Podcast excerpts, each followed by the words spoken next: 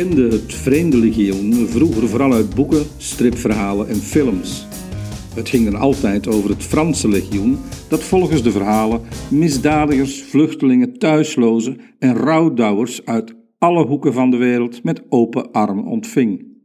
En vervolgens een onmenselijk harde training gaf om ze daarna ergens in Afrika, in de woestijn of de jungle te droppen, om daar staatsvijandige sujetten in het beste geval onschadelijk en in het slechtste geval een kopje kleiner te maken.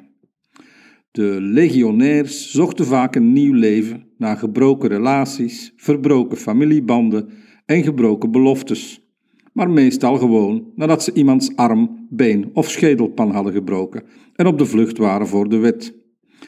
Ik dacht dat het allemaal fabeltjes waren tot ik vele jaren geleden een Brusselse vriend van mijn broer Ronald ontmoette, die daadwerkelijk legionair was geweest. Zijn verhalen over het Franse legioen waren duizendmaal erger en meteen ook duizendmaal gruwelijker dan de heroïsche films die ik had gezien.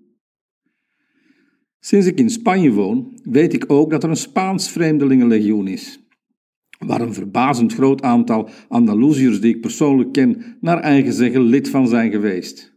Dat kan twee dingen betekenen. Veel van die mannen overdrijven en verwarren hun jaren dienstplicht in een suffe kazerne ergens in de Spaanse enclave Ceuta in Noord-Afrika met het Vreemdelingenlegioen, kwestie van hun ego wat op te blazen.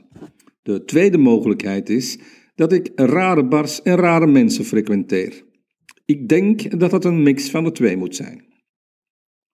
Ik bedacht me al deze dingen terwijl ik tussen een enorme massa mensen in Malaga stond te wachten op de ontscheping van het legioen. Niet dat het legioen ineens Malaga moest verdedigen tegen de invasie van toeristen die de stad opnieuw teistert, maar omdat het een jarenlange traditie is tijdens de Semana Santa, de heilige week voorafgaand aan Pasen, die in Andalusië passioneler wordt gevierd dan kerstmis. Letterlijk miljoenen mensen lopen hier vanaf Palmzondag een week lang te hoop om de processies te bekijken die de Calvarietocht van Christus uitbeelden.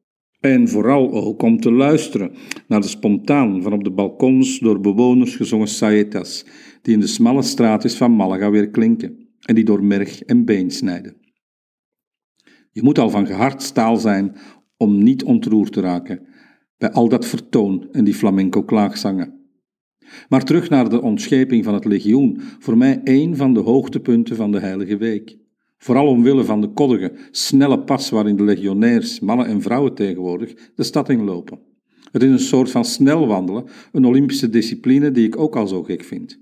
Maar dan gecombineerd met fel armzwaaien en het jong leren met vervaarlijke schietgeweren en mitraillettes.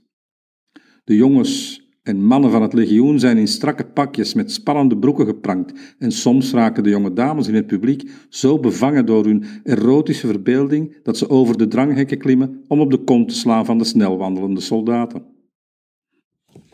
Die daar helemaal stoïcijns zonder blijven. In dat verband is een ander hoogtepunt voor mij persoonlijk de processie van de vrouwen.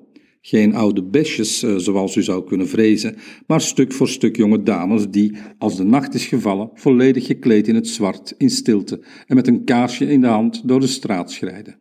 Op hoge hakjes. Fascinerend daarbij is dat ze allemaal zwarte netkousen dragen, rokjes tot ver boven de knie en vaak ook een flink decolleté laten zien, afgewerkt met een kanten sluier. Een legioen van verleidelijke, treurende Maria Magdalena's die van de gelegenheid gebruik maken om hun vrouwelijkheid te onderstrepen. Eros en Thanatos in Andalusië. Het heet dan ook niet voor niks de Passieweek.